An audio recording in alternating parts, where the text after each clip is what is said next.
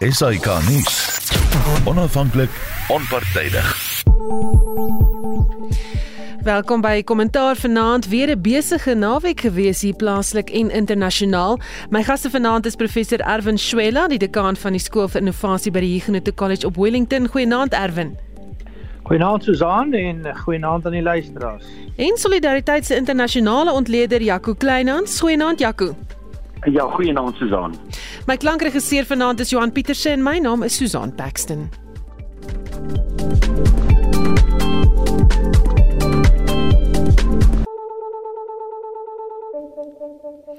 Presies 8 uur luister na kommentaar hier plaaslik. Staan ons vanoggend op met die nuus dat daar nog mense dood is by tavernes na twee afsonderlike skietvoorvalle.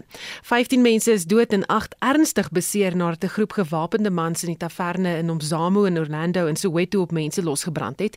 Gauteng premier David Makura het vroeër gesê die skuldiges moet gevang word. We have said to the police in our province that they must hunt down the perpetrators of this heinous crime. Every criminal activity committed in Gauteng, the police have been doing the best they can to hunt them down. And I want to say that in our province, we have been strengthening the specialized police teams that deal with different types of crime. We must continue to do so. In Pietermaritzburg is 4 mense dood toe twee gewapende mans losgebrand het in 'n taverne, 12 mense is geskiet. Die president het by monde van sy woordvoerder Vincent Mangwenya gesê die skietery is onaanvaarbaar en dat daar veral iets gedoen moet word aan die onwettige wapens wat in mense se besit is. As government, citizens and structures of civil society, we must all work together even more closely to improve social and economic conditions in communities reduce violent crime, and stamp out the illicit circulation of firearms. Every single violent death is unacceptable and worrying, and killings on the scale we have seen in Soweto, Pietermaritzburg, and previously Khayelitsha must spur us into a collective effort to build communities and make South Africa an unsafe place for criminals. Nou soos jy vroeër in die nuus gehoor het, het 'n gemeenskapsleier van Soweto, Mafaleng Selepe vanoggend se skietvoorval in Soweto toegeskryf aan sogenaamde stamoorloë wat volgens hom vererger word deur die land se immigrasiewette. Selepe sê hy pleit by die polisie om die gemeenskap te betrek tydens hulle ondersoek en hy sê talle buitelanders met onwettige vuurwapens dring die gemeenskappe in Soweto binne. Hy sê die gemeenskap het veiligheidseenhede wat inligting van talle bronne inwin. Selepe sê politici met lakse wetgewings te blameer vir die talle skietvoorvalle. This has been happening for a while. There have been a lot of shooting even a long time ago. So if you've got a lot of people coming from outside, they come here and they come with a lot of guns, which is illegal, but they still let them be here and do what they're doing. It shows that something's wrong here. Let the police work hand in hand with the community. We've got units which are running around, which are very strong, who are getting the information directly from the, the sources. The only people to be blamed the politicians who open the gates for these people to come to create this nonsense on here. Nou Erwin, ons begin by jou. Dink jy dit het met iets met stamoorloë te doen?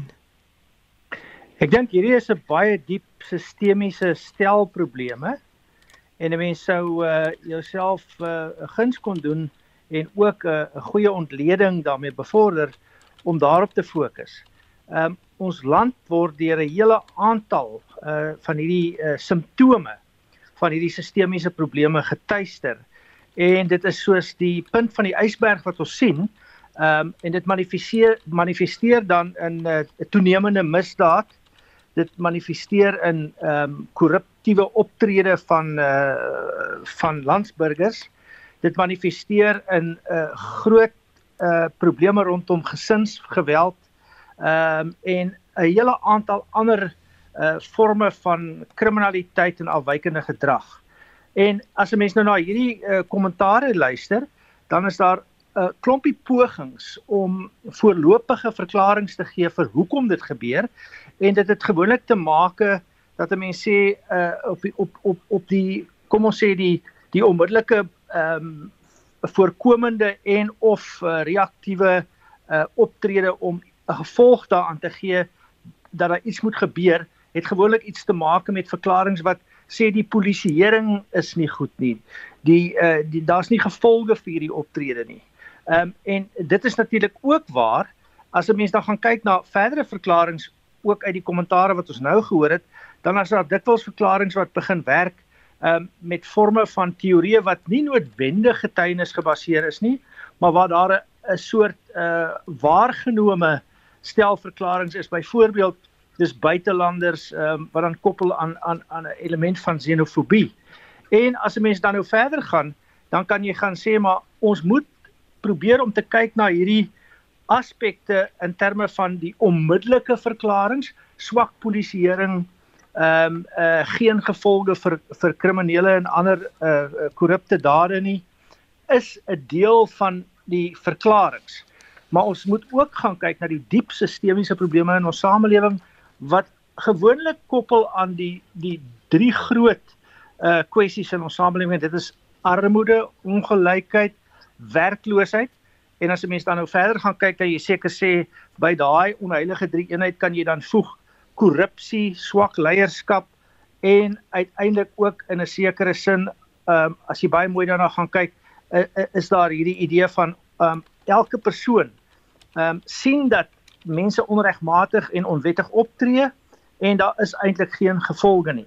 Goed, so ehm um, falende leierskap ehm um, en uiteindelik dan nou hierdie hierdie hierdie hierdie klompie probleme. Hmm. Dus ek dink ons moet ook miskien 'n bietjie gaan fokus op die die die sosiale, die ekonomiese en veral ook die die die die politieke kwessies in ons land. Ehm um, en wat dan gebeur is ons het 'n situasie waar as gevolg van ons geskiedenis ehm um, van apartheid en daarna die geskiedenis van 'n hele aantal jare van swak regering het ons 'n groot klomp ekonomiese uitdagings en dit skep eintlik meer en meer skaarsheid. Ehm um, en hierdie skaarsheidprobleem wat 'n ekonomiese probleem is, lei dan daartoe dat mense sê, wel ons ons het nie goed nie, ons ons kry nie hulpbronne nie. Koppel dit nou aan 'n klomp ander krisisse soos die Oekraïense inval, uh stygende voedselpryse, stygende brandstofpryse, die groot faktore rondom die pandemie wat nou gelukkig verby is en op hierdie stadium 'n klomp ander faktore, dan is hierdie skaarsheid besig om vir mense te sê ons moet op 'n of ander manier dit wat ons nodig het om te kan oorleef kry. En een van die maniere as daar nie ander hmm. middele is, byvoorbeeld werk en produktiewe middele nie, is misdaad. En as jy daai misdaad dan pleeg, dan vind jy redes om dit te doen. Jy blameer die buitelander, jy blameer ehm um, op een of ander manier iemand anders vir jou situasie. So ons hmm. moet gaan kyk na die diep sistemiese probleme wat goeie regering gaan vereis om op te los, ekonomiese groei en groter sosiale kohesie. Ek wil nou uh, praat oor die die die uitspraak wat betref buitelanders. Jaco, is dit 'n gevaarlike uitspraak om te maak wat betref buitelanders sonder behoorlike inligting? Ek dink wel so ehm um, Susan ek dink uh, daar's nog te min inligting beskikbaar wat wel duidelik is is uh, vir al die aanval in Soweto gisteraand uh, was 'n baie goed beplande aanval gewees. Jy weet ehm um, uh, dis 'n hele groep uh, swaar gewapende mans wat met een busie uh, by die taverne aangekom het. Uh, duidelik baie goed voorberei gewees om hierdie aanval ja, uit te voer. En ons weet tog nie presies wat hulle motief is ons het vandag gesien dat daar ehm um, skermutselings was tussen lede van die EFF en uh, die sogenaamde operasie uh, Dudula. Nou operasie Dudula uh, is nou al reeds meer as 'n jaar veral in Gauteng en townships betrokke uh, en hierdie hele veldtog teen onwettige immigrante waar die leierskap van operasie Dudula sê dat indien die regering dan nie onwettige immigrasie onder beheer gaan kry nie uh, dan sal hulle dit doen. En ons weet van hulle lede is al reeds uh, uh, gevange geneem. Party van hulle het al in die hof verskyn as gevolg van wandade um, en misdade wat deur hulle gepleeg is teenoor immigrante.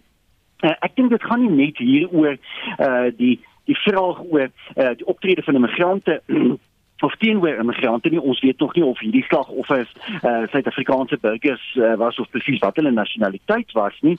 Ehm um, wat ons wel begin sien is absolute 'n uh, toename in nie net die kultuur van wetteloosheid nie, maar uh op 'n uh, groepe wat op 'n baie goed georganiseerde wyse uh, mag in eie hande geneem. Uh om op te tree byvoorbeeld teen misdadigers. Ons het verlede week gesien uh hoe 'n uh, man aan die brand gesteek is weer net wes van Creersdorp.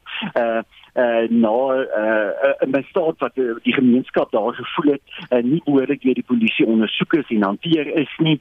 Uh ons het uh, uh verskeie sulke gevalle die afgelope paar maande gesien en uh, mense is bekommerd as mense die gevoel begin kry dat groepe al hoe beter eintlik begin organiseer om uh wapens in die hande te kry um, en en eintlik 'n bietjie die gereg in eie hande te neem. Nou ja, mense sê dit uh, uh in aggenome dat ons nog nie soveel weet van wat uh in hierdie aanvalle in Soweto toe in Pietermaritzburg uh, gebeur het nie, maar ek dink ons moet almal in Suid-Afrika baie bekommerd wees hieroor en eintlik nog meer bekommerd wees natuurlik oor die polisie se vermoë uh, om uiteindelik um, hierdie uh, aanvalle behoorlik te ondersoek, deeglik te ondersoek want uiteindelik uh, is die beste manier tog maar om georganiseerde misdaad teen te werk um, is is is behoorlike polisiewerk hier. Of mense wat uiteindelik uh, in die hof verskyn skuldig bevind word dit is wat nodig is né? Ja. Uh, en dan is daar mense wat so hier en daar gesels en sê maar is hierdie regtig so toevallig dat twee skietvoorvalle soortgelyk aan mekaar op een aand plaasvind erwin Ja, daar is uh klaar blyklik um, daar was ook 'n paar ander voorvalle selfs in in in in in ehm um, Weskaap se uh woongebiede en ook in in in KwaZulu-Natal en nou in Gauteng. Ehm um, en dan is dit nou maar weer so dat 'n mens kan gaan kyk na die die reeks van moontlike verklaringe. En as 'n mens dan nou gaan kyk na die verklaringe wat nie noodwendig fokus op die dieper sistemiese kwessies in die samelewing nie, want hulle is aanleidende oorsake. Daai dieper sistemiese kwessies skep aanleidende oorsake vir hierdie soort gedrag en hierdie soort gedrag is dan onder andere aanval aanvalle op tavernes en dit mag die motief hê van xenofobie of om buitelanders te verkwalik vir uh uh die die die die die die gebreke wat 'n mens self ervaar. Maar as jy as jy dan vir jouself sê ons ons het nog ongelukkig nie en Jaco is reg, ons het nie genoeg uh, as dit ware getuienis gebaseerde ehm uh, verklaringe vir wat spesifiek hier gebeur het nie. Uh dan sal 'n mens nou maar moet gaan kyk. Uh en dan kan jy eintlik nog 'n klomp moontlike verklaringe gee, hipotetiese verklaringe. Jy kan sê miskien is hier 'n uh, forme van van gevegte om gebied, nê, nee, waar daar 'n mate van uh, georganiseerde misdade gebaseer op um, 'n bende verwante bedrywighede is. Ehm um, dis dan nou bykomend tot die moontlikheid dat dit iets te maak het met met met vreemdelinge haat. Of jy kan sê ehm um, dit is 'n vorm van 'n uh, 'n uh, 'n doodgewoon mense wat 'n uh, gesofistikeerde uh rowers is en uiteindelik toenemend daaraan slaag om hulle aktiwiteite te koördineer. Dus ehm um, op hierdie stadium het ons nog nie genoeg uh aanduidings van wat die werklike motiewe en redes vir hierdie besondere aanvalle is nie, maar hier is 'n patroon wat nou mettertyd uh besig is om pos te vat en duidelik te word. Wat ons wel kan sê is dat uh een van die groot gebreke op hierdie stadium as ons dan vir die oomblik fokus op polisieering is ook nie noodwendig op die onmiddellike reaksie um en selfs tot 'n mate 'n poging om uh, uh om om voorkomend op te tree nie. Dit het te maak met die die die die, die eintlik 'n uh, besondere onprofessionele situasie en heel uitdagende kwessie van misdaadintelligensie. Dit wil voorkom asof uh, na die uh, Richard Mdluli uh, debakel en daarna al die ander bedrywighede uh, uh, rondom misdaadintelligensie en ons weet daar's nog steeds binne die polisie kern is daar groot uh, uitdagings ehm um, van forme van faksievorming binne die misdaadintelligensie uh, uh, uh, uh tak van die van van die Suid-Afrikaanse Polisie diens. En dit beteken eintlik dat jy eintlik op verskillende maniere nie daarin slaag om inligting uit die gemeenskap te kry nie. En een van die kommentare wat jy ingespeel het Susan, was daar 'n aanduiding dat mense sê maar die gemeenskap wil graag help. Se vraag of hulle wil, want hulle is ook geïntimideer en soms bevrees. Maar jy het 'n instrument nodig en die instrument in polisiekundige terme vir professionele polisiedienste is misdaadintelligensie. En ons misdaadintelligensie is nog 'n voorbeeld van 'n entiteit wat uh, as dit ware in die in, in die skadu staan van die idee van 'n mislukkende staat. Hmm. Dit is 'n dit is 'n ongelooflik ondoeltreffende stelsel wat ons eintlik nie dien nie en wat dikwels ook dan nou deur die faksies uh, probeer oorwin word en vir hulle eie gewin gebruik word, selfs deur moontlike infiltrering van kriminele elemente. Jaco, dink jy dit is toevallig? Ja, weet jy, um, ek ek ek dink min van die dinge is is noodwendig toevallig, maar dit uh ons kan natuurlik bespiegel oor tot watter mate daar natuurlik nou ehm um, uh moontlike gesamentlike magte hierby betrokke was wat ek wel uh dink ons uh ooreen kan kom en gemaklik wel kan sê uh is die is die kultuur wat besig is om te ontstaan. Die kultuur uh van um uh, hierdie soort van misdade wat wat die afgelope tyd baie baie duidelik in verskeie uh, gemeenskappe in Suid-Afrika afgespeel het. Um, en ja, heeltemal reg, dit is nie net uh, een aand in Pietermaritzburg en in Soweto nie. Ek dink wat ons baie keer uh, miskyk is uh, uh, hoe hierdie misdade plaasvind en ons natuurlik net eenvoudig nie altyd daaroor berig nie jy weet daar's daar's baie keer eenvoudig ander stories wat uh, wat op 'n stadium groter is maar um, hierdie soort van aanvalle um, vind al vir 'n uh, 'n lang tyd lank plaas um, en en 'n mens kan uh, eerder dalk 'n soort van patroon of kultuur begin sien en wat my wel bekommerd begin maak is duidelik die vlak van professionaliteit wat in die beplanning van hierdie aanvalle um, uh, opgesluit is. Daar's duidelik um, goed georganiseerde groepe wat hier agter sit. Um, en en ons moet ongelukkig as Suid-Afrikaners met mekaar baie eerlik wees dat ons op hierdie stadium nie die polisie diens het wat die vertroue inboesem om hierdie aanvalle behoorlik te ondersoek nie. Goed, ek wil nou eh, na die buiteland toe beweeg, maar voor ek dit doen, Hein sê, "Sjoe, dit sal lekker wees om 'n vroue kommentator ook te hoor." Nou, Hein, ek moet sê daar was iemand uh, wat ook sou deelneem, 'n vrou. Gaan nou sê wie dit is nie, maar sy het 'n skielike noodgeval wat sy moes uh, moet moes hanteer. Sy kon nie, sy moes op 'n baie kort kennisgewing onttrek, so ongelukkig. Ons wou graag gehad het, maar ons gaan vir haar kry weer vir 'n volgende keer, maar ek is seker Erwin en Jaco gaan vir ons die sake dryf hier vanaand soos ons nou gehoor het. En so gepraat van Jaco internasionaal het dinge ook gegons Boris Johnson wat moes bedank en die resies om die nuwe leier van die konservatiewe party in Engeland te word is sommer onmiddellik vuur warm en aan die gang. Ek sien dat die sekretaris van die internasionale of an, van internasionale handel Penny Mordaunt ook aangekondig het dat sy wil staan vir leier. Nou Johnson se aankondiging dat hy gaan bedank, die toespraak wat hy gemaak het. Wat maak jy daarvan? Ja, dit is eintlik 'n 'n tragiese toespraak gewees, uh, Susan, want eintlik het hy natuurlik aan die een kant nie verantwoordelikheid aanvaar vir sy eie foute nie. Hy het geen sin ehm um, aan die Britse uh, volk om verskoning gevra nie en hy het eintlik ook nooit regtig verwys na na uh, na sy bedanking nie. Hy het eerder gesê hoe hoe hartseer hy is dat hy hierdie wonderlike uh, pos moet verlaat en dis natuurlik 'n 'n verstommende verstommende verskrywing. Jy weet ek dink ons is ons besef nie eintlik wat hier gebeur het nie. As ons onsself net net 'n klein bietjie terugvat, jy weet na die die laaste verkiesing in Desember 2019 uh in die Verenigde Koninkryk toe toe Boris Johnson absoluut op die hoogtepunt van sy politieke loopbaan was. Um hy het die Britte gevat het na 'n vervroegde verkiesing, die konservatiewe party byna 44% van die stemme gewen het, 'n 80 uh, setel meerderheid uh in die Britse parlement gekry het en en Johnson eintlik hierdie ongelooflike mandaat gehad het. Hy regtig die leier van die konservatiewe party geword het wat daaraan ontslaag om uh werkersklas uh setels in die noorde van Engeland te wen sowel as uh welgestelde soort van voorstedelike setels wes van Londen. Uh om jou 'n voorbeeld te gee en van daardie posisie af waar daar 'n ongelooflike sterk mandaat uh aan Johnson gegee is na die punt waar uh, die meeste lede van sy kabinet bedank het, ehm uh, uh, die voorsitter en ondervoorsitter van die konservatiewe party bedank het en duidelik die Britse bevolking, uh, meer as 2/3 van hulle eintlik geen vertroue meer in hom oorgehad het nie. Ehm um, en en hy staan eintlik voor die Britse volk en hy erken steeds nie uh, sy foute nie, die foute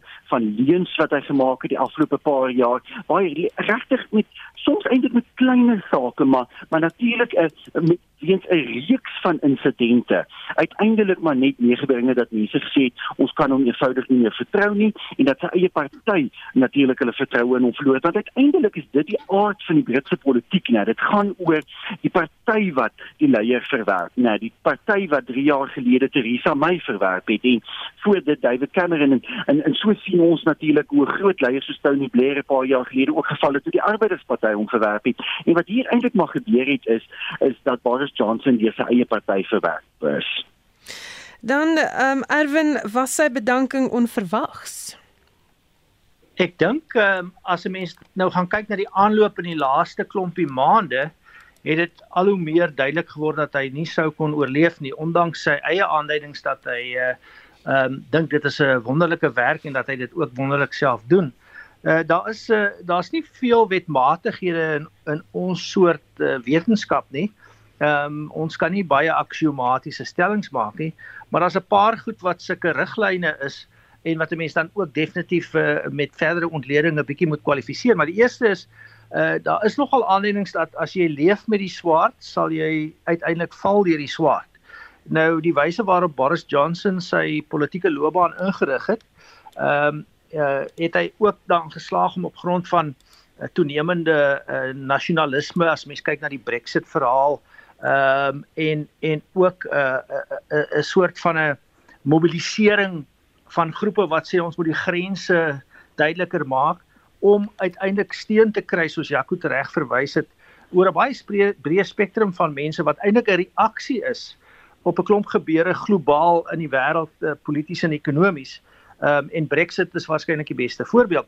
Maar in die proses deur sy loopbaan het hy dikwels op uh, nogal ja, kom ons sê dan nou maar ehm um, relatief uh, uh magsgebaseerde en soms selfs uh gedrag wat nie van integriteit getuig het nie van sy politieke teenstanders ontslaag geraak.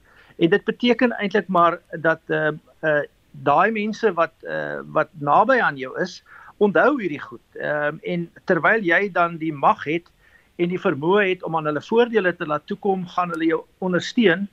Maar tipies uh vind jy dan ook en dis 'n tweede uh soort van 'n poging om om om 'n uh, wetmatige standpunt, 'n aksiomatiese standpunt te neem.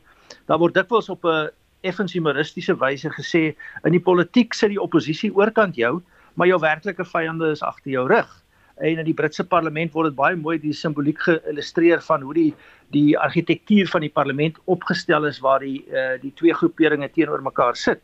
Nou dit het beteken dat ehm um, soos Boris Johnson verswak het, is die geheue van sy vorige teenstanders natuurlik uh, in 'n sekere sin weer gestimuleer en het die weerstand in sy eie party stadig maar seker opgebou. Ehm um, en wat dan uiteindelik gebeur is en in hierdie geval was dit baie dramaties is dat groot getalle van sy eie partylede uit hulle ampte of uit die party ehm um, bedank en op dië manier 'n soort krisis uh forceer. Ehm um, 'n ander opsie sou kon wees dat die dat die dat die oppositie uh in die geval of die liberaal demokrate wat groei in uh, in Brittanje of die of die arbeidersparty 'n mosie van wantroue in die parlement teen hom instel. Dit het hulle 'n paar keer probeer, maar dit het nie geslaag nie. So wat dan hier gebeur is is die interne dinamika van die party sê uiteindelik hier moet 'n regstelling kom. Ehm um, en alhoewel ons groot meerderhede gehad het en miskien juist as gevolg van die feit van ons vroeëre groot meerderheid en die feit dat ons nog steeds ehm um, 'n soort uh, uh, uh, uh ekonomie en politieke stelsel het waar ons onder druk is ehm um, en uh, as dit nodig is kan ons weer steun wen maar met hierdie leier gaan ons steun verloor en dan word hy eintlik 'n 'n 'n las eerder as 'n bate hmm. en die party raak van hom ontslaag. En dit beteken nie hy aanvaar dit uh, uh goedsmoeds nie. Hy sou nog maar graag wou aangegaan het met die manier waarop hy die lewe sien en waarop hy wil regeer. Ja. Jy het nou genoem nou aan die uh, rapport vandag se opskrif het gesê singende skip verlaat die rot. Dis hoe hulle die Boris Johnson se chassis beskryf, so mooi geweest. Ehm um, Jaco, wat weet ons van die wat in die resies is vir die leierskapsposisie? Ja, dis 'n uh, baie interessante proses. Ons sal natuurlik môre presies weet hoe die proses gaan verloop. Die die party se sogenaamde 1922 komitee, dis 'n komitee van agterbankers uh, van die konservatiewe party. Hulle vergader môre uh, om die verkiesingsproses te bepaal. Nou daar's reeds 10 kandidaate teen vanaand. Ek sien daar so 'n uur of twee gelede nog een bygekom en ek vermoed hierdie getal gaan toeneem na 14, 15, dalk selfs 16 uh, kandidaate.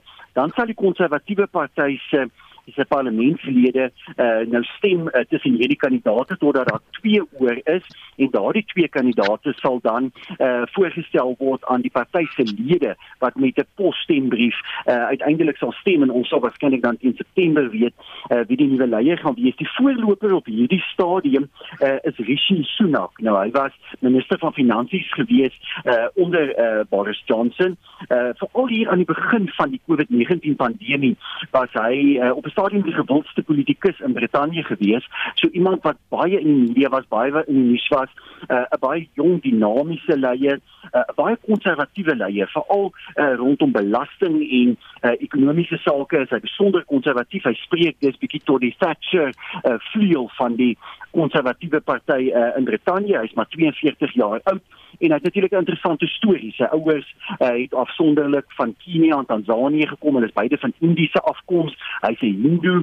Uh, so dis 'n heel interessante verhaal wat hy het om te vertel. Die probleem is natuurlik dat hy tot redelik onlangs minister van finansies was um, en dat sy gewildheid heelwat afgeneem het uh, uh, met die uh, toename in inflasie, die geweldige toename in die in lewenskoste in Brittanje en baie Britte wat hom eintlik daarvoor blameer het. So op hierdie stadium het hy die, die steun van die meeste konservatiewe parlementslede 24 van hulle wat sover hulle steun aan hom toegesê het, maar daar is 'n hele lys van ander uh, wat bykom. Almal wag eintlik vir Liz Truss.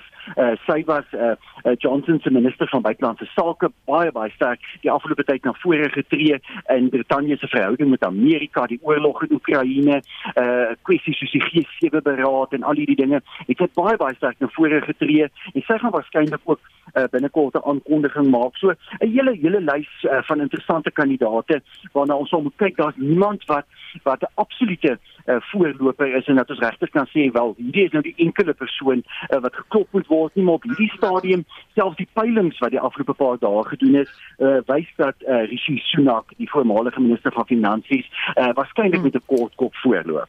Jy sê hy's maar 42. Johan Pieterse, die klankingenieur sê daar's nou daar's uh, hoop vir my. Ek kan ook dalk premier of dalk president word van die land so jonk. Ehm um, net 'n laaste vraag uh, in verband hiermee, ehm um, Erwin, hoeveel skade het die Tories of die konservatiewe party gelei hierdeur? Die soort faksiegevegte ehm um, ehm um, het natuurlik 'n impak op uh, op die party en uh, dit skep die indruk dat die party uh, sigself nie goed kan regeer nie. Ehm um, ehm uh, maar ek dink die onderliggende politieke dinamika ehm um, in die in in die huidige situasie globaal maak dat daar ehm um, forme van solidariteit en uh, kohesie is binne politieke partye rondom politieke en ekonomiese idees en ideologie maar ook tot 'n mate aan al die al die kante van die politieke spektrum uh gekoppel aan 'n soort populisme. Ehm um, uh, ek meen Boris Johnson se se se se party steun ehm um, het natuurlik nog steeds uh geklop met die uitgangspunte van die konservatiewe party. Die die die naam is 'n is 'n naam wat bekend is en uh is al honderde jare uh bedrywig in die Britse politiek. Maar weer eens soos Jaco uh baie goed uitgewys het, die party word al hoe meer divers. Ehm uh, maar die mense wat binne die party versamel, het dan bepaalde sieninge oor uh wat hulle kon bereik en dat dit lyk vir my wêreldwyd is daar 'n poging om um eintlik te begin om grense duideliker te maak. En dit verklaar ek op grond van die feit weer eens uh, hierdie hierdie hipotese van van toenemende skaarsheid. Uh ons weet mos nou dat daar toenemende mededinging is vir beperkte skaars hulpbronne in die wêreld, uh onder andere ook op grond van volhoubaarheid en ons sien ook dat die dat dat die wêreld se draagvlak is eintlik te klein vir al die mense. Met ander woorde, die wêreld is nie volhoubaar nie. En van die implikasies dan is is dat jy of jou grense moet toemaak en in 'n sekere sin is Brexit 'n voorbeeld daarvan en immigrasiebeheer is 'n voorbeeld daarvan of jy moet op 'n of ander manier ehm um, aanvaar jy gaan 'n groot klomp immigrasie kry ehm um, waar meer mededingers gaan kom meeding vir die reeds bestaande skaars hulpbronne hmm. en dan probeer jy op 'n manier maar op populistiese maniere mobiliseer om die bestaande bevoordiging ehm um, binne jou groep of binne jou binne jou land in binne die nasionale grense uh te bevorder en te bevestig. En dit word dan populêre standpunte. Ehm um, in 'n sekere sin kan 'n mens ehm uh, met aanpassings en natuurlik uh gesofistikeerde analise as wat ek op die oomblik kan doen, kan jy kan jy sê dit is maar wat wat wat wat op 'n of ander manier die uh die die die die die, die Putin regime probeer doen en en ander uh forme van van toegangsbeheer wat hier geskep is. En dit dink ek is die Britse publiek wil nie nog immigrasie hê nie. Ehm um, hulle wil nie nog mededinging hê vir mense uh in hulle in hulle spel van musical chairs en daar's al hoe minder stoele oor nie. Hmm. En ek dink die konservatiewe party het daai soort van populistiese aanspraak wat ook verklaar hoekom daar 'n opkoms is uh, in uh, van van van in die jongste verlede soos die laaste 15 jaar van ehm um, ehm um, ver, verder regse uh, partye in Europa. Dit het maar te maak met die beskerming van ons eie beperkte hulpbronne wat skynbaar skaarser word teenoor die ander wat van buite af sal kom en dit manifesteer dan in steen vir partye wat sê maar ons moet die grense toemaak, ons moet afskei van internasionale ehm um, uh, instellings en Brexit is 'n baie goeie voorbeeld. Ja. Die konservatiewe party gaan op grond daarvan nog steeds goeie steun kry. Goed, ek wil aangaan na 'n uh, ander storie wat ook in die buiteland plaasgevind het voor ek terugkom op na eie bodem toe. Die Japaneese of Japanse premier Shinzo Abe het gesterf in 'n sluipmoordaanval die afgelope week. Die BBC berig nou dat die polisie in Japan sê dat die sekuriteit op die dag wat hierdie skietery nou plaasgevind het nie op standaard was nie. Jaco, wie was hy? Ja, ek dink 'n uh, 'n baie belangrike leier. Ek dink mense uh, uh, kyk natuurlik baie keer eers na iemand se dood terug en besef uh, wat 'n uh, 'n uh, groot impak hy uh, gehad het in sy eie land maar natuurlik ook internasionaal. Ehm um, en en en Shinzo Abe was was definitief so 'n leier gewees, jy weet, hy was die langsdienende uh, Japaneese eerste minister hy was vir 8 jaar en 267 dae, dis byna 9 jaar eerste minister en as jy net oor die afgelope paar dekades kyk, veral na die Tweede Wêreldoorlog, het Japan maar 'n uh, reputasie ook opgebou as 'n land wat baie keer die eerste minister oorstens vir 1 of 2 jaar gehad het. So hy was iemand wat um, uh, 'n sekere soort van politieke stabiliteit na Japan gebring het, maar wat ook weer uh, Japan meer selfgeldend gemaak het. Uh, jy weet Japan se militêre beleid kan baie vergelyk word met die van Duitsland byvoorbeeld na die Tweede Wêreldoorlog, maar die afgelope 10 jaar of wat het ons veral gesien dat daar weer 'n baie sterk poging is om te sê ja, Japan se se weermag moet heropgebou word, moet verbeter word. Daar is ernstige veiligheidsbedreigings in in Asië. Dit is natuurlik verwysend veral na China. Um, en hy was veral 'n leier wat um, wat reeds eintlik redelik vroeg ehm um, uh, die die risiko's van uh, China se se opkoms in Asië uitgewys het. Hy het al 'n hele paar jaar gelede uh, in toesprake dit baie sterk uh, uitgewys en en daardeur het Japan natuurlik 'n baie belangrike verdedigingsbondgenoot uh, vir die weste geword vir Amerika uh, vir uh, Australië uh, vir uh, vir lande wat eintlik graag wil sien dat daar 'n breë front van of 'n breë koalisie uh, van uh, lande in in Asië en eintlik die hele stille oseaan gebied uh, geskep moet word uh, om hierdie soort van opkoms van China, ook die militêre opkoms van China uh, om dit teen te werk. So in daardie opsig dink ek 'n baie baie belangrike leier wat wat groot impak gemaak het, maar ook in sy eie land in terme van ekonomiese beleid. Daar word verwys na na na economics, jy weet, sy sê soort van ekonomiese beleid van ekonomiese hervormings uh, waar hy baie baie uh, sterk gefokus het uh, op ekonomiese groei, die Japaneese ekonomie wat natuurlik uh eintlik die afgelope twee dekades nie veel gegroei het hierdie die die, die huidige Jap Japaneese ekonomie staan so groot soos wat hy 10 jaar gelede was. Um, en hy het uh, al 'n paar jaar terug gesê dat uh, drastiese stappe nodig is om uiteindelik weer uh, ekonomiese groei uh, in Japan aan te moedig en het die hele proses van uh, ekonomiese hervormings begin. En ek dink met ander woorde uh, mense gaan uiteindelik oor die volgende paar jaar balance dink ek hierdie gevolge van 'n meer nasionalistiese uh, ingesteldheid in Japan. sien want hy was 'n hy was 'n heelwat meer selfgeldende nasionalistiese leier gewees. Vandag se verkiesing um, het ook binne daardie konteks plaasgevind. Daar's natuurlik vandag 'n uh, uh, verkiesing gewees vir die hoë reis uh, in Japan. Dit is ook by 'n uh, verkiesing saamtrek waar hy natuurlik uh, doodgeskiet is en uh, sy party die die liberaal demokrate wat 'n wat 'n redelike konservatiewe party in Japan is het baie goed gedoen. Die verkiesingsuitslag het uh, vroeër vanmiddag uitgekom en baie goed gedoen. So ek dink eh uh, eh uh, Japan gaan reageer uh, op hierdie voorval deur baie sterker juis na vore te tree. Eintlik die teenoorgestelde as wat sy aanvalle waarskynlik wou gehad het moes gebeur. Hm, ek wonder vir vrou Arvin, wat sal die implikasies wees van die aanval op 'n politieke vlak? Ehm um, ons moet ook sê dat behalwe vir sy ekonomiese uh, beleidsrigtinge en die die stabiliteit wat dit uh, in in die Japan ja, Japanse ekonomie gebring het, Ehm um, en uh, Japan het nie 'n groot bevolking nie. Ehm um, Japan het 'n baie produktiewe bevolking ehm um, en het 'n bevolking wat uh, oor baie jare ehm um, opgeneem is in die in die ethos van harde en kwaliteit werk en die skep van uh, ekonomiese voordeel en ekonomiese voorspoed. En daarin ehm um, het het, het, het, het die betrokke uh, premier se uh, se se partybeleid en sy leierskap uh, tot daartoe 'n groot bydrae gemaak. Is hy ook bekend daarvoor dat hy natuurlik met 'n bepaalde kulturele konteks ehm um, uh, ingeklee en is hy eintlik 'n bydraer gewees tot uh, sterk sieninge oor regstaatlikheid, grondwetlike optrede ehm um, en 'n bydrae gemaak nie net tot die ekonomie maar maar ook die die politieke en konstitusionele regstaat benaderings.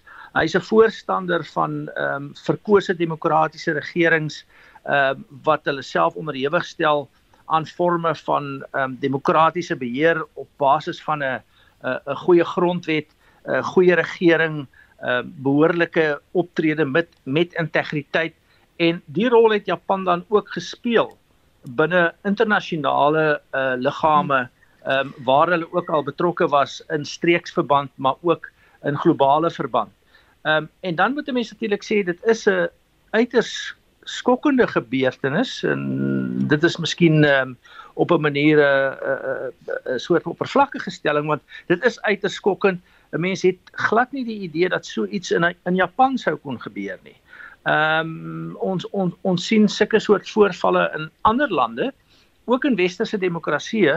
Ehm um, uh, as jy mens gaan kyk wat wat wat wat gebeur het in die tyd van van meneer meneer Trump. Ehm um, uh nou nie nou nie uh, die moord van 'n staatshoofie, maar die aanval op die op die uh, uh op die kongres en die soort van dinge. Japan in 'n sekere sin word soms 'n bietjie beskou ehm um, deur deur waarnemers is dit is dit, dit is 'n soort ehm um, geroutineerde uh byna byna ehm um, voorspelbare dinge loop ehm um, so 'n bietjie reg, altyd reg om mm. nou maar 'n Japaneese produk ook hier op, op, op, en hier gebeur hierdie dramatiese gebeure. Ja. Ehm um, dis eintlik onverklaarbaar en dit dink ek wys weer op 'n vorme van toenemende spanninge en onstabiliteit wat die onverwagse ook begine gebeur alhoewel die onverwagse is dalk nie so onverwags nie gegee word die globale kwessies en stremminge wat op hierdie oomblik uitspeel in die globale politieke ekonomie.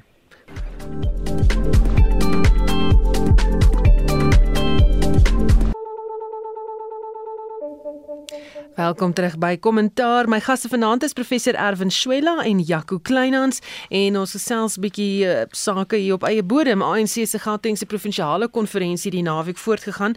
Panjasa Lesofie het in sy toespraak daar gesê dat Suid-Afrika is onafskeidbaar van die ANC en dat die land in duie sal stort sou die ANC in duie stort. En na ure se openhoud het die stemmery vir addisionele uitvoerende komiteelede uiteindelik vanmiddag begin. Ehm um, Jaco, is dit werklik so dat die land in duie sal stort sonder die ANC? Wel, da, definitief nie. Susan, ek dink dit is die probleem van die uh um, die geweldige skeiding wat daar ontstaan tussen die ehm um, hierdie eintlik oordrewe soort van selfvertroue wat wat ANC leiers het of dit nou op provinsiale vlak of op nasionale vlak is. Ehm um, uh in in in hulle eie party en en die noodsaak uh, van hulle party en hierdie band tussen hulle party uh, en en en Suid-Afrika se toekoms um, en dit wat gewone mense natuurlik op grondvlak uh, eenvoudig ervaar jy weet. Uh, die beste voorbeeld daarvan was eenvoudig maar uh, om te gaan kyk wat het gebeur met die laaste munisipale verkiesing. Uh, en twee tendense wat ons natuurlik in Gauteng gesien het. Die een was uh, verskillende laaste persentasie veral in tradisionele uh, ANC vestings soos in die townships en so aan. En mense het eenvoudig tuis gebly want mense uh, is moedeloos. Mense sukkel om hulle kinders in goeie skole te kry, om veilige lewensomstandighede te kry, om skoon water te kry, toegang tot elektrisiteit, 'n billike huis, 'n goeie werk. Dit is die dinge waaroor 'n meerderheid van mense in Gauteng of hulle nou wit of swart is, bekommerd is. Dit dit gaan oor hierdie uitdagings van die daaglikse lewe. Uh, Um, en en die tweede ding wat gebeur het, saam met die geweldige laaste 10 persentasie in die laaste munisipale verkiesing, was natuurlik die feit dat die ANC in Gauteng minder as 50% uh, van die stemme gekry het. Um, en ons sien nou dat die uh, dat die die, die voortdurende interne stryd binne die ANC uh, steeds voortduur. Die kwessie in Gauteng byvoorbeeld uh, was steeds hierdie naweek duidelik met uh, uh, die Oosrand uh, Ekurhuleni uh, se se takke, vyf takke uh, waarvan die stemme in kwarantyne geplaas is. Ehm um, en dit het omtrent 'n dag en 'n half geneem om uiteindelik net 'n uh, 'n skikking daaroor te kry hoe daardie stemme hanteer moet word. So die ANC het steeds 'n interne stryd uh, wat gaan afspeel. Uh, Panjaza Lesufi is wel twee weke gelede verkies uh, as voorsitter van die ANC in Gauteng, maar hy het 'n baie baie klein uh, mandaat verkies. Sy meerderheid was regtig uh, besonder klein geweest en dit reeds van 'n uh, uh, verswakte party. Um, en as ek dan luister na na Lesufi se toespraak hierdie naweek waar hy praat oor liefde en haat en hoe mense net weer aangemoedig moet word om die ANC lief te hê um, en hoe mense moet afleer om die ANC te haat, dan dink ek is hy regtig verwyder van die werklikheid van gewone uh, Suid-Afrikaners en gewone mense in Gauteng se uitdagings en uiteindelik um, sal hy eers daarvan bewus moet word uh, voordat hy regtig sy party se interne probleme wat hy wel tot 'n mate erken het voordat hy dit regtig kan hanteer. Erwin het gewaarsku die party dopgehou word. Dalk 'n waarskuwing aan die lede? Ja, ek ek weet nie dit uh, dit het maar te maak met uh, waarskynlik toenemende paranoïese gevoelens oor uh, die druk waaronder die party verkeer. Ek weet nie wie die party dophou nie. Dit lyk nie asof die oorsig liggame van die party die party self goed uh, dophou nie. Ehm um, daar's 'n uh, voortdurende konflik en spanning binne die party. Ek sou eintlik meneer Lesofie 'n bietjie wil ehm um, anders sy sy aanhaling anders inklee. In die sin is dit uh, om te sê dat ehm um, die, die party regeer so swak. Ehm um, omdat die party self so swak regeer word. Uh as ons kyk na hoe die ANC as 'n politieke party funksioneer, dan uh, sou enige van ons mos nou nie te verbaas wees dat as jy nie die party behoorlik kan regeer nie, dat die party nie die land behoorlik gaan regeer nie. En watter watter soort vertroue kan 'n mens hê oor uh, die ANC in regering as regerende party as 'n mens gaan kyk na die wyse waarop die ANC hulle eie interne forme van regeerprosesse hanteer nie. Dis 'n voortdurende stryd om uh konferensies behoorlik te laat funksioneer. Ehm um, dis 'n voortdurende stryd om te keer dat daar nie binne die party uh afwykings is van die partybeleid nie om die partybeleid geïmplementeer te kry. As jy nie die par partybeleid behoorlik kan implementeer nie, wat is die waarskynlikheid dat jy nou ehm um, in regering die land se beleid behoorlik geïmplementeer kan kry? Ehm um, ek dink wat wel waar is is dat ehm um, ehm um, in in hierdie soort situasies is dit so dat as uh, as 'n mens 'n gety het wat inkom en dis 'n positiewe konstruktiewe gety, ehm um, dan uh, in in in die uh, in die hawe uh, word alle skepe daardeur uh, gelig. Ehm um, dit is jammer dat die dat die ANC so 'n absoluut uh, ondoeltreffende en onetiese en en en en en ehm um, nou ja, swak regerende politieke party is. Dit is in ons almal se belang om sterk politieke partye, ehm um, sterk in die sin van uh funksionele, professionele uh, goed georganiseerde politieke partye te hê. Mm. Ehm um, en ek dink ons moet daarin belê om te sê dat ons alle partye wat deelneem aan die grondwetlike demokrasie se vermoë om goeie beleide gebaseer op goeie getuienis of sogenaamde evidence-based policy making uh, te kan maak om behoorlike ontledings te doen, om behoorlik te kan beplan en behoorlik te kan uh dienste lewer. Ehm um, so ons het nie 'n belang by swak ongeorganiseerde korrupte politieke partye nie want dit is tot ons almal se nadeel en dis nog erger so wanneer die uh die die die regerende party um in materiële opsigte eintlik ons faal dan is dit nie onverwags dat die staat ook moontlik kan misluk nie. Um nou as dit dit nou alles gesê het dan is dit ook so dat um ons grondwetlike demokrasie dalk tog wel voor 'n toets gaan staan.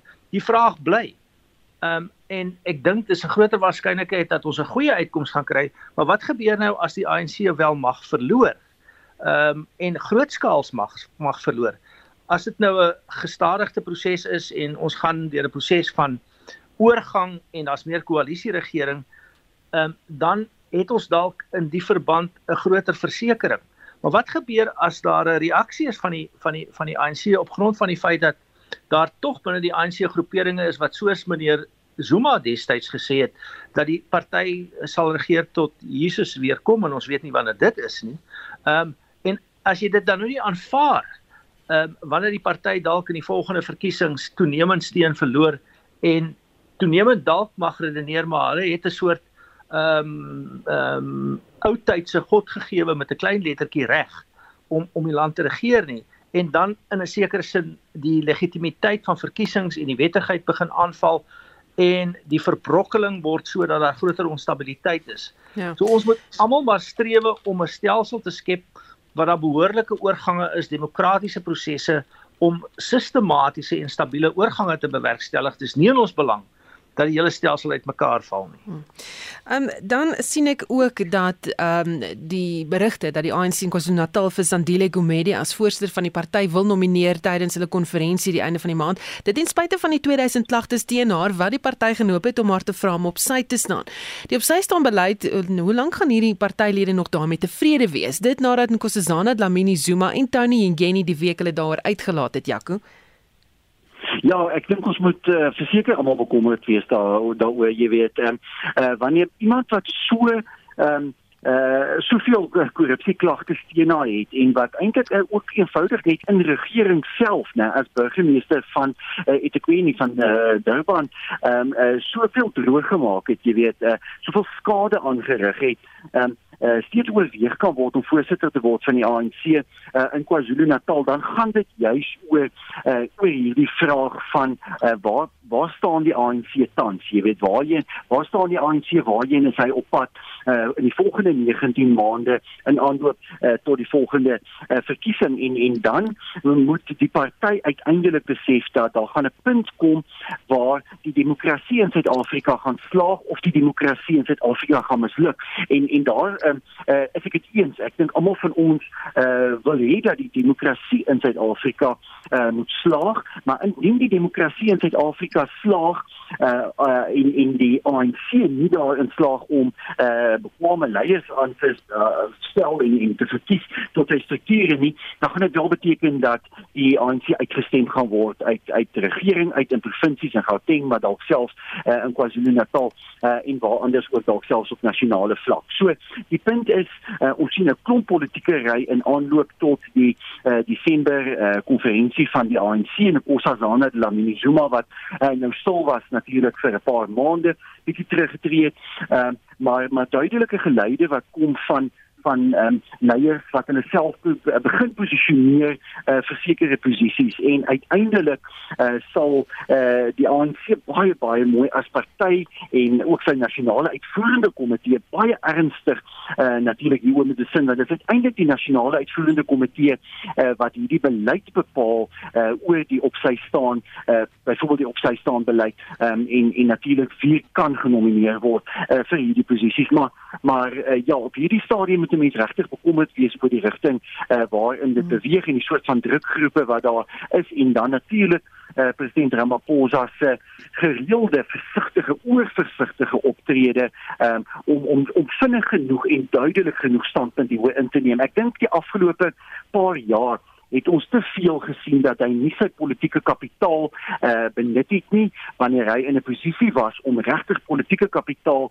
uh te benut en en sterk standpunt in te neem rondom kwessies binne sy eie politieke party het hy dit nie gedoen nie. En dit kan uiteindelik natuurlik sy party groot skade uh berokken en dan die vraag natuurlik stel oor hoe gaan dit inspel op uh, die demokrasie in Suid-Afrika Die veiligheidsgroepering het ook hulle bevindinge na die onluste 'n jaar gelede in Gauteng en KwaZulu-Natal bekend gemaak. Dit wil voorkom of daar meer vrae as antwoorde is.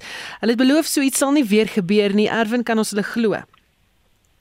Voordat ek daarna toe gaan, wil ek dan tog net ook iets sê oor uh, die uh, voormalige burgemeester van eThekwini. Hmm. Ehm um, uh, as ek mag. Ehm um, ehm um, dit is nou so dat uh, om goeie regering uh, daar te stel beteken eintlik dat jy effektiewe en etiese regering moet bevorder.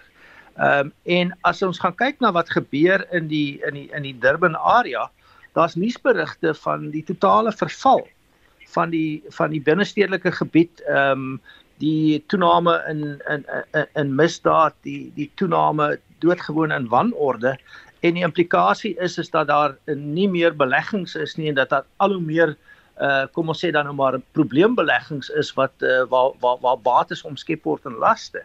So um ons almal fokus en ek dink uh vir vir vir goeie en verstaanbare redes dikwels op die onetiese regering, op die korrupsie, op die 2 200 of die 2000 uh, dit dit dit is eintlik te veel om te begryp.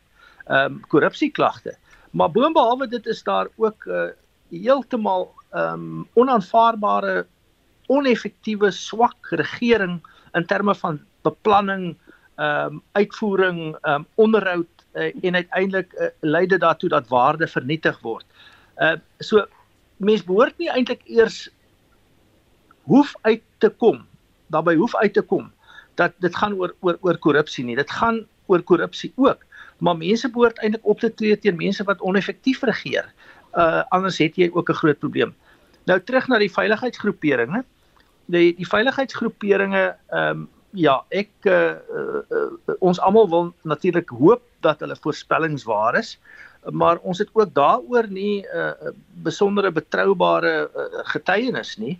Ehm um, dit dit is so dat die die die die die die geleenthede wat toe nou posgevat het of die verleenthede wat uiteindelik plaasgevind het rondom hierdie geweldige opstande verlede jaar ehm um, is ook nie deur hulle voorspelle voorsien nie. Ehm um, en die vraag is wat het nou intussen verbeter? En dit sluit aan by die gebrekkige intelligensie professionele kapasiteit binne Suid-Afrika. Uh die die die die Suid-Afrikaanse Polisie diens se se misdaadintelligensie ehm um, instellings is uh onder groot druk. Ehm um, die Suid-Afrikaanse intelligensie agentskappe, die staatsveiligheidsagentskap weet ons is onder groot druk. Uh daar's daar's aanduidings dat in al hierdie gevalle daar ehm um, ook aanduidings is van soogtende staatsinstellings. Is nog nie geval nie, maar dit is aan die soog. En in die proses is daar mos nou dan waarskynlik ook as dit op ander plekke waar is, is daar faksiegevegte. En uh, daar's mense wat 'n belang het by hierdie soort opstande en van hulle sit dalk in die kern van hierdie soogtende intelligensie instellings en mense vra dan die vraag of dit uh, ons kan 'n uh, 'n uh, uh, gesonde gevoel 'n gemaklike gevoel van gerusstelling gee. Ehm um, ek weet nie, ehm um, miskien kan 'n mens op hierdie stadium sê ons ons ons, ons kan dit weer verwag. Ehm um, maar ons weet nie en ek dink nie hulle weet dit ook nie. Ehm um, hmm.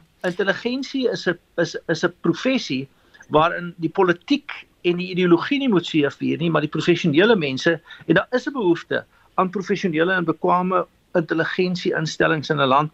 Ons in 'n ongelukkig is maar weer 'n spieelbeeld van die groter kwessies wat binne ons land se politiek en ideologie uitspeel.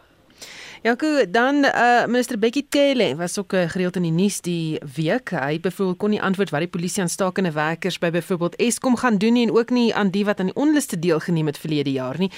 Wat maak jy daarvan?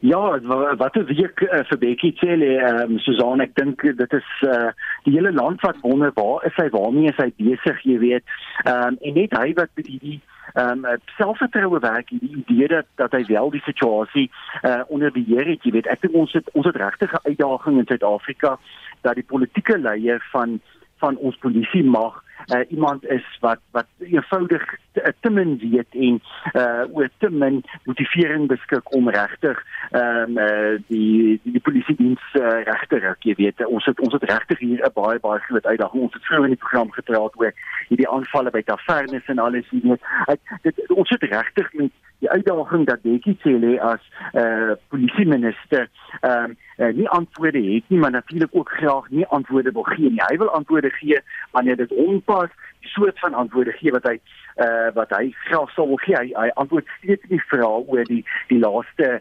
misdaadstatistiek nie, die onlangse misdaadstatistiek wat uh, bekend gemaak is waar daar geweldige geweldige stygings uh natuurlik in geweldsmisdade veral uh, in Suid-Afrika was. So ek dink uh, wat ons begin sien, ons het dit hierdie week gesien in praktyk afspeel dan Guguletu in in Kaapstad wat ons 'n praktyk begin sien um, is dat gewone Suid-Afrikaners uh, vir die minister 'n boodskap begin stuur om om te sê jy weet ons is eenvoudig teelvol ons kan nie ehm um, uh, uh, so min polisielede hê nie so min uh, bekwame polisielede hê nie ons kan nie 'n geval hê waar 'n enkele speurder met 350 leers op sy lesenaar sit wat hy almal alles uh, uh, sake moet ondersoek nie um, en en die vraag is Hoekom is Bekkie Cele nog in hierdie posisie? Hoekom hou president Ramaphosa hom nog in hierdie posisie? Gaan dit net oor KwaZulu-Natal? Gaan dit is oor interne politiek binne die ANC dat uh, Cele sy invloed binne KwaZulu-Natal in die Ramaphosa kamp moet inbring? Waaroor gaan dit nog of gaan dit regtig daaroor dat hy bydra kan lewer? Hy hy het homself regtig nie bewys nie. Hy's waarskynlik op hierdie stadium uh, die mees onbekwame minister in die hele kabinet. Erwin, jy het so 'n minuut om vir my jou gedagtes oor Cele te gee. Dan wil ek gou vir julle 'n ander vraag vra voor die tyd ons in inhaal. Meneer Kelly het 'n buitengewoon en byna mirakelagtige vermoë om op die verkeerde tyd op die verkeerde plek op die verkeerde wyse met die verkeerde voertuie te verskyn en dan weer te verdwyn. Ehm um, ek sou veel eerder veel meer van die president en dit is ons president Ramaphosa wou gesien het in al hierdie krisisse. Hy is op 'n manier ehm um, die vraag vir hom is so 'n bietjie soos waar in die wêreld is Willie. Ehm um, maar maar so hy is nie vreeslik sigbaar nie, maar meneer Kelly is skynbaar oral sigbaar terwyl eintlik sou dit beter wees as hy op vele meer plekke onsigbaar sou wees. Hy verskyn op die verkeerde tyd op die verkeerde plek met die verkeerde voertuie ehm um, en ehm um, het nie 'n besondere bydrae gemaak en maak nie 'n besondere bydrae tot die verbetering van professionaliteit in die Suid-Afrikaanse Polisie diens nie. Hm. Goed dan, net so voor ons groet Janko duisende betogers in Sri Lanka het Saterdag die president se amptelike woning bestorm en die private woning van die eerste minister aan die brand gesteek uit protes oor die ekonomiese krisis. In Monitor môreoggend sal hy môre meer in diepte oor praat, maar wat staan hier vir jou uit? Waarop gaan jy oog hou? Ja, ek dink die belangrike om te sê is dat uh, Sri Lanka vir ons wys uh Susan wat kan gebeur uh in 'n ontwikkelende land wat uh vir 'n hele paar jaar uh, op die regte pad was wat as 'n voorbeeld voorgehou is uh van 'n ontwikkelde demokrasie wat moontlik is en hoe vinnig dinge verkeerd kan gaan uh as jy populistiese leiers kry wat swak monetêre en fiskale beleid begin implementeer uh en 'n uh, ekonomie baie vinnig in die moeilikheid beland het. Afrika moet daai leer, baie ander ontwikkelende lande in Suid-Amerika en Afrika, die Midde-Ooste en Asië moet ernstige lesse hier uit leer. Uh Sri Lanka is tegnies bankrot, dit is 'n land wat geen brandstof nie. Weet jy as jy vanaand in Sri Lanka bly kan jy glad nie brandstof koop nie.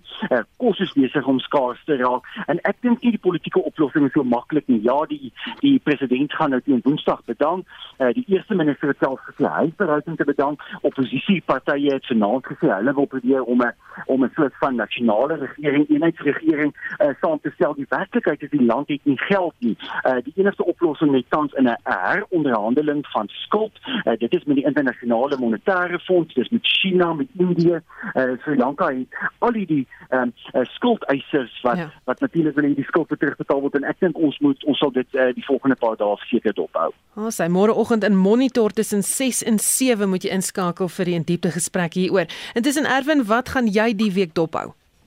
Ek is baie geïnteresseerd in die uh, verloop van die proses in die parlement om nou uh, die uh, skorsings uh, prosedure te volg vir die uh, nou reeds opgeskorte ehm um, advokaat Nkobane. Want ek dink dit kan vir ons bevestig dat dit tog op 'n manier nou gevolge begin kom vir totale oneffektiewe optrede. Ehm um, en ehm um, ek sal graag wil sien hoe dit uh, uiteindelik uitspeel.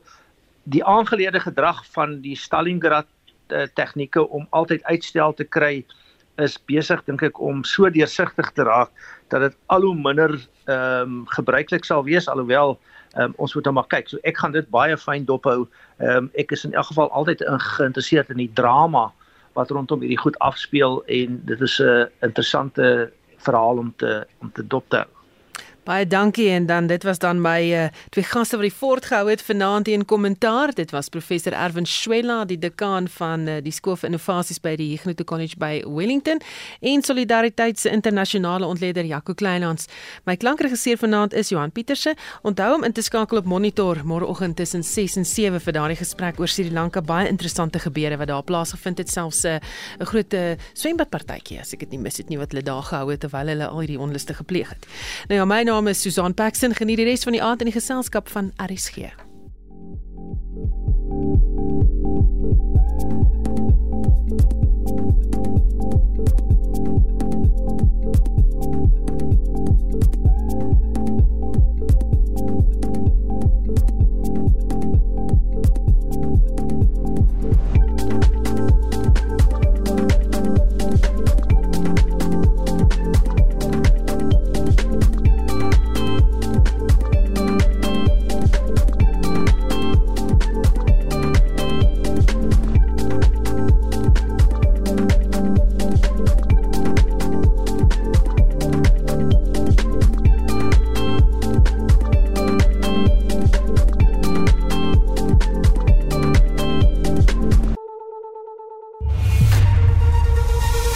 SAK nuus.